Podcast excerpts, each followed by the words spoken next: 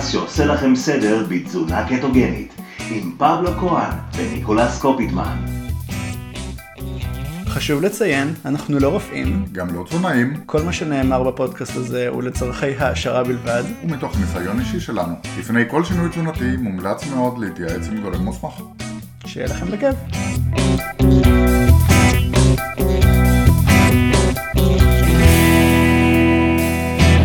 שלום וברוכים הבאים לפודקאסט החדש שלנו, אבות המזון, עם פבלו כהן, וניקולס קופידמן.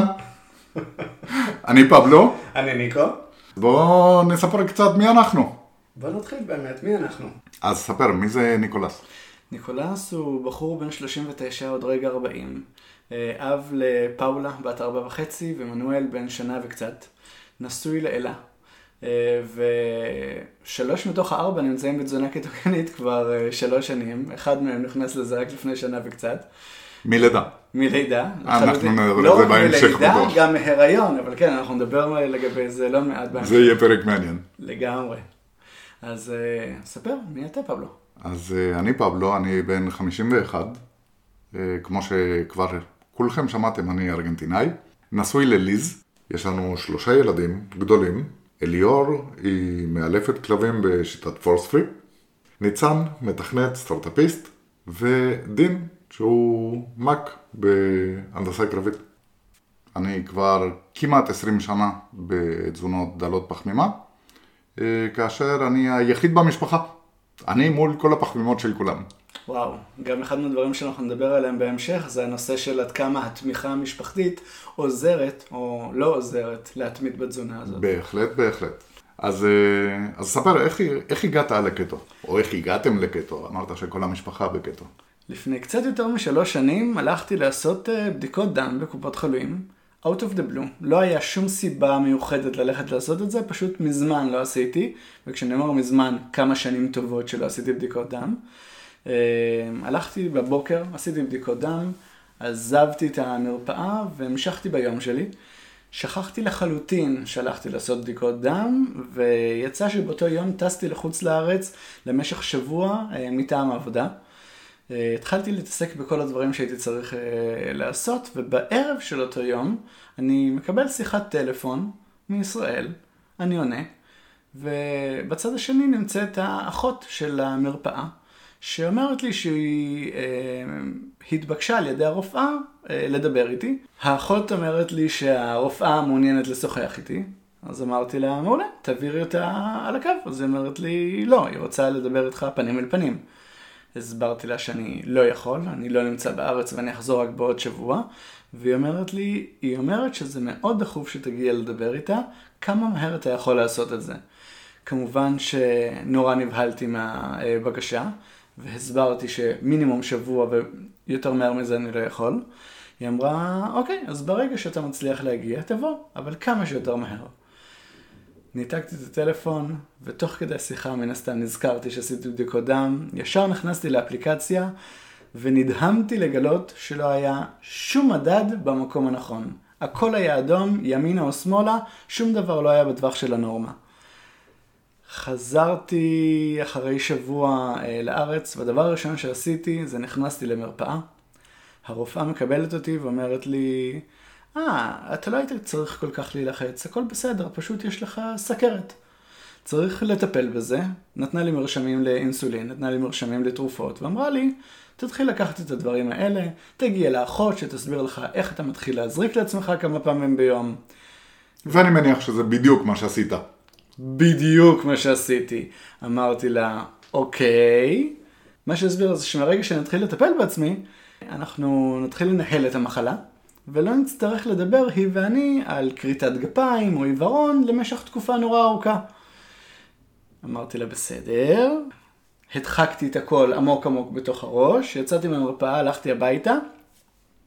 לא דיברתי עם אף אחד, לא עם אשתי, לא עם המשפחה, לא עם אף אחד בנושא הזה, ופשוט במשך שבועיים התבשלתי לי בבישול ארוך ואיטי אה, בתוך עצמי. הראש עבד שעות נוספות בלילה. הראש עבד שעות נוספות לאורך כל היום. לא, עכשיו, לא חשבתי על שום דבר חוץ מזה, אבל להוציא את זה החוצה לא דיברתי עם אף אחד. באיזשהו שלב החלטתי שאני הולך לדבר עם אבא שלי, שאגב, גם הוא סוכרתי מאז אה, גיל 37, הגיל שגם אני קיבלתי את המחלה. כנראה שסכרת זה משהו גנטי גם כן. אה. נטייה לפחות. חלק מזה, כן. אה, הלכתי לדבר איתו, והוא הקשיב לי בקשב רב. הוא נשם נורא עמוק, ואז הוא התחיל לקלל כמו שהוא לא יקלל כבר הרבה זמן. חתיכת מטומטם, כל החיים אני אומר לך לדאוג לעצמך, לטפל בעצמך, תסתכל על מה אתה אוכל, תאכל בצורה בריאה, והנה תראה, הגעתי בדיוק לאותו מקום שאני נמצא בו עכשיו. איך אתה עושה לעצמך דבר כזה? הוא נשם עמוק, ואז הוא אמר, תקשיב, מחר יש לי תור לאנדוקרינולוגית שלי, במקום שאני אלך לטיפול, אני מבטל את התור שלי, אתה נכנס במקומי, אני אבוא איתך, אבל אתה עכשיו מתחיל טיפול. אמר, ואז היא נתנה לך את האינסולין ואת כל הדברים כמו בקופת חולים. אז זהו, שלא. להפתעתי הרבה, הגעתי למישהי שחושבת בצורה אחרת לחלוטין. היא רוצה שאני אהיה בריא, ולא שאני אהיה מטופל. אבל היא באה ואומרת לי, במקום מה שהרופאה השנייה אמרה לי, היא באה ואמרה לי, תקשיב, המצב פקקת. אבל אתה צעיר, והכי חשוב, לא התחלת לקחת אינסולין, ולא התחלת לקחת תרופות. מה שאני מבקשת שתעשה זה משהו אחר לחלוטין. היא הסבירה לי איך עובד כל המנגנון של הסכרת, ואז היא ביקשה ממני, תפסיק לאכול פחמימות, ותתחיל לאכול המון שומן. הסתכלתי עליה בעין החצי עקומה ואמרתי לה, אני לא מבין, את בעצם רוצה להציל אותי מסכרת על ידי זה שתגרמי לי להתקף לב מכולסטרול? זאת הייתה ההתחלה. נקודת פתיחה מעניינת. אז פבלו, ספר אתה איך הגעת לקטע. אז אני נספר קצת רקע. אני בתזונות אה, דלות פחמימות מתחילת שנות 2000, בערך שנת 2000-2001.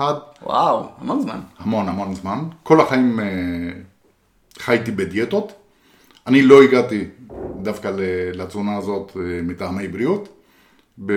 אחרי שהורדתי מיליון קילו, רכבת הרים המפורסמת, אנחנו יורדים, עולים, יורדים, עולים, יורדים, עולים, זה מעגל החיים. לגמרי. ו... ואז נחשפתי לדיאטת אטקינס.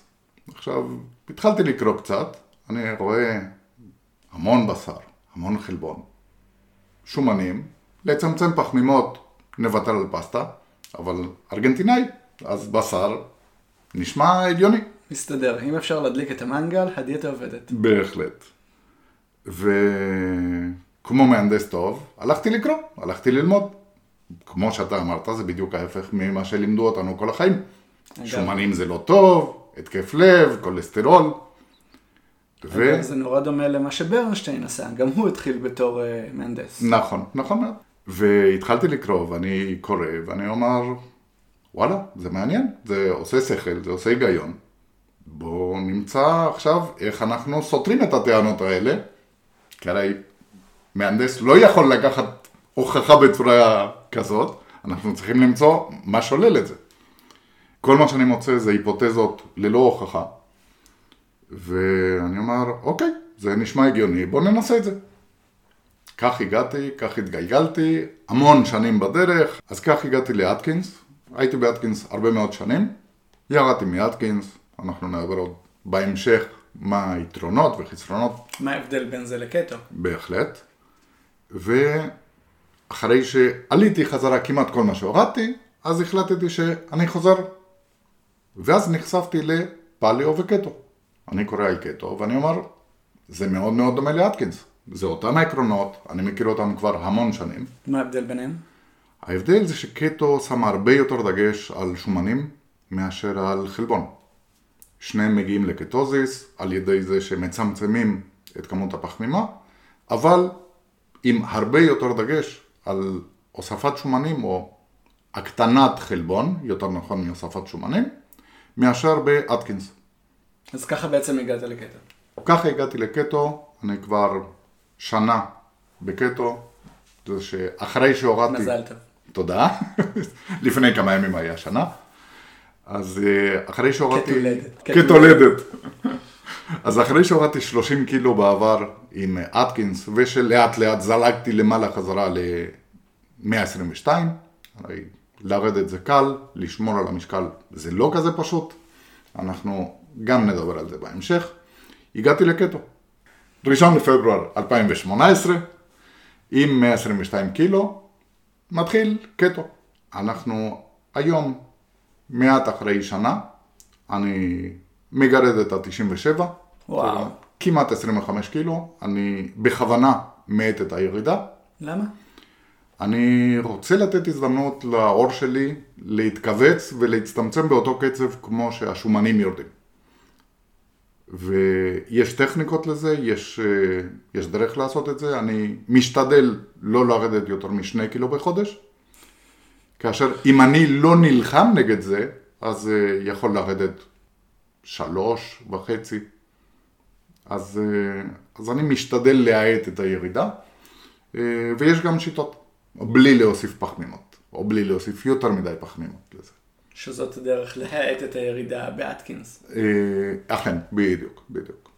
זו הדרך להאט את הירידה באטקינס, וזו בדיוק הבעיה של אטקינס, שבגלל שבתהליך, בשלבים מתקדמים יותר באטקינס, אתה אמור להוסיף פחמימות כדי לעצור את הירידה או כדי להאט אותה, זה מביא ל cravings ומביא לכל מיני תופעות שמחזירים אותך לאט לאט לאיפה שהיית. אם אתה לא שם לב בזמן, כמו שקרה לי. האם קטו עזרה לך? בוא ספר אתה. האם קטו עזרה לי? ברור, קטו הצילה לי את החיים. אני ירדתי 30 קילו, מ-105 ל-75, תוך שלושה חודשים. וואו. ומאז כבר שלוש שנים שאני שומר על המשקל. אשתי גם כן נמצאת בתזונה, היא גם כן ירדה הרבה מאוד במשקל, מעבר לזה היא עברה את כל ההיריון השני בתזונה קטוגנית, כן. אין הרבה מקרים כאלה, זה יהיה מאוד מעניין לדבר על זה. אנחנו נדבר על זה בהמשך, אולי אפילו נביא אותה לפודקאסט. נפלא. Uh, הילדים שלי הם יותר פלאו מאשר uh, קיטו, אבל uh, פלאו לכיוון הקטוגני, מהסיבה הפשוטה שאני לא ממש שולט מה הם אוכלים כשהם נמצאים בגן. אבל כשהם בבית, הם אוכלים את מה שאנחנו אוכלים. הילד שלי הקטן, בן שנה וחודשיים, טוחן סטייקים כאילו אין מחר. הגדולה שלי אוכלת המבורגרים, זה הדבר שהכי אוהבת בעולם לאכול. מי לא? יש הרבה כאלה שלא, אבל אני לא מכיר הרבה ילדות בנות ארבע וחצי שכששואלים אותה מה הדבר שהיא הכי אוהבת לאכול, היא באה ואומרת, המבורגר! אמ, אז אה, אבא שלי, שזה גם כן סיפור הצלחה שחשוב לדבר עליו, כמו שאמרתי קודם, גם כן סוכרתי מאז שהיה בן 37, אה, והיום הוא כבר לא סוכרתי יותר. אני ירדתי מ-A1C 11 ל-4.8, גם הוא ירד ב-A1C ל-4.8, שזה A1C תקין לחלוטין. לחלוטין תקין. אה, כולסטרול מאוזן לחלוטין אצל כולנו, ואם קודם סיפרתי שכשעשיתי את הבדיקות בהתחלה לא היה מדד אחד שהיה במקום תקין, הכל היה באדומים, היום אין מדד אחד שיוצא החוצה מהנורמה. אז אה, אנחנו נדבר הרבה על זה בהמשך אה, לגבי מה אנשים אומרים על התזונה הקטוגנית כתזונה שהיא לא בריאה ושאי אפשר להתמיד איתה לאורך זמן.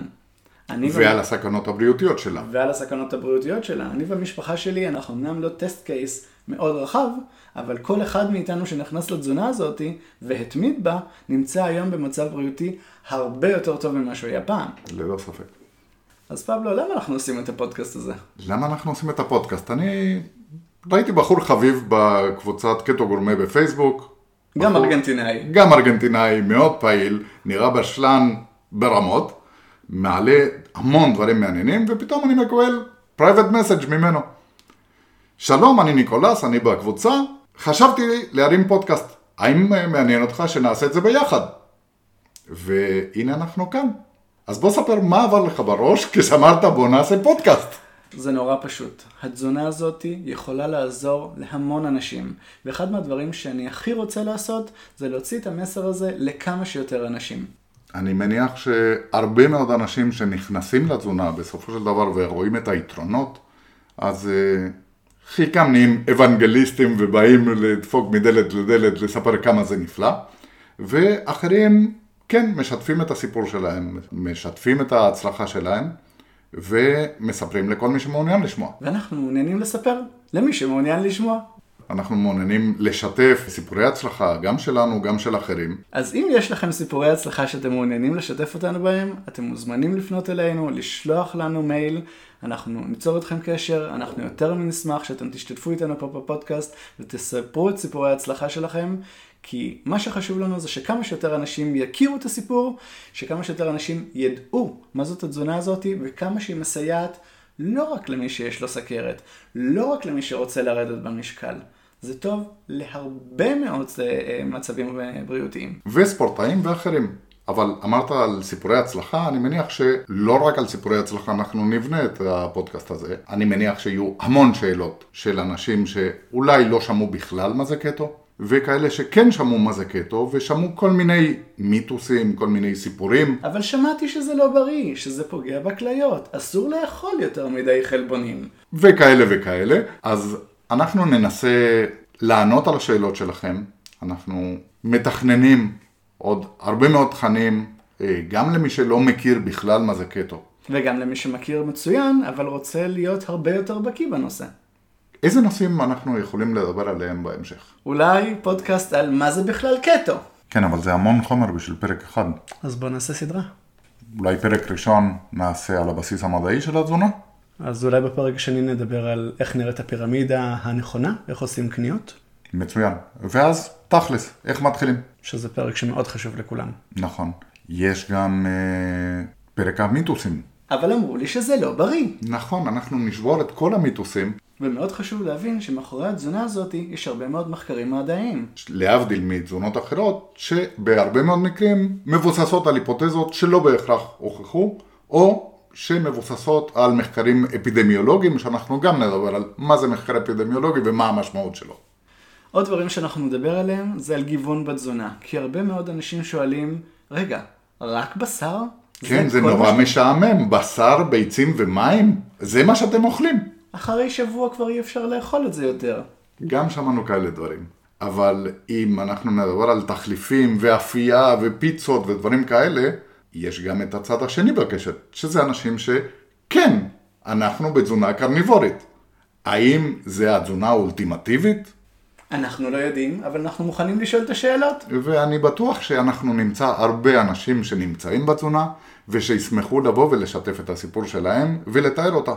אנחנו נשמח לדבר גם כן עם גורמים רפואיים שיספרו לנו מה בעצם הליווי הרפואי הנכון לתזונה כזאת. האם צריך אותו, ואם כן, איך עושים את זה. ואם אנחנו מדברים על ליווי רפואי ועל מה נכון ומה בריא, אסור לנו לשכוח שיש גם חבר'ה שהם צמחונים או טבעונים, האם בכלל התזונה הזאת יכולה להתאים להם? האם בכלל אפשר לעשות קטו טבעוני או צמחוני? יש לנו נושאים לעוד המון פודקאסטים. לפני שאנחנו נגיע אליהם, אנחנו רוצים שאתם תספרו לנו מה הדברים שהכי מעניינים אתכם לשמוע. מה הדברים שאתם הייתם רוצים שאנחנו ניגע בהם. אנחנו נשמח לקחת את הדברים האלה ולבנות מזה את הפודקאסטים הבאים. כדי לענות על השאלות שלכם, וכדי לשתף סיפורי הצלחה כמובן. אז מקווים שנהניתם עד עכשיו, אנחנו בשלב הזה ניפרד. אני הייתי פבלו. אני הייתי ניקו, ואנחנו שנינו אבות המזון. מקווה שנהנתם. ונתראה בפודקאסט הבא. ביי ביי. ביי ביי.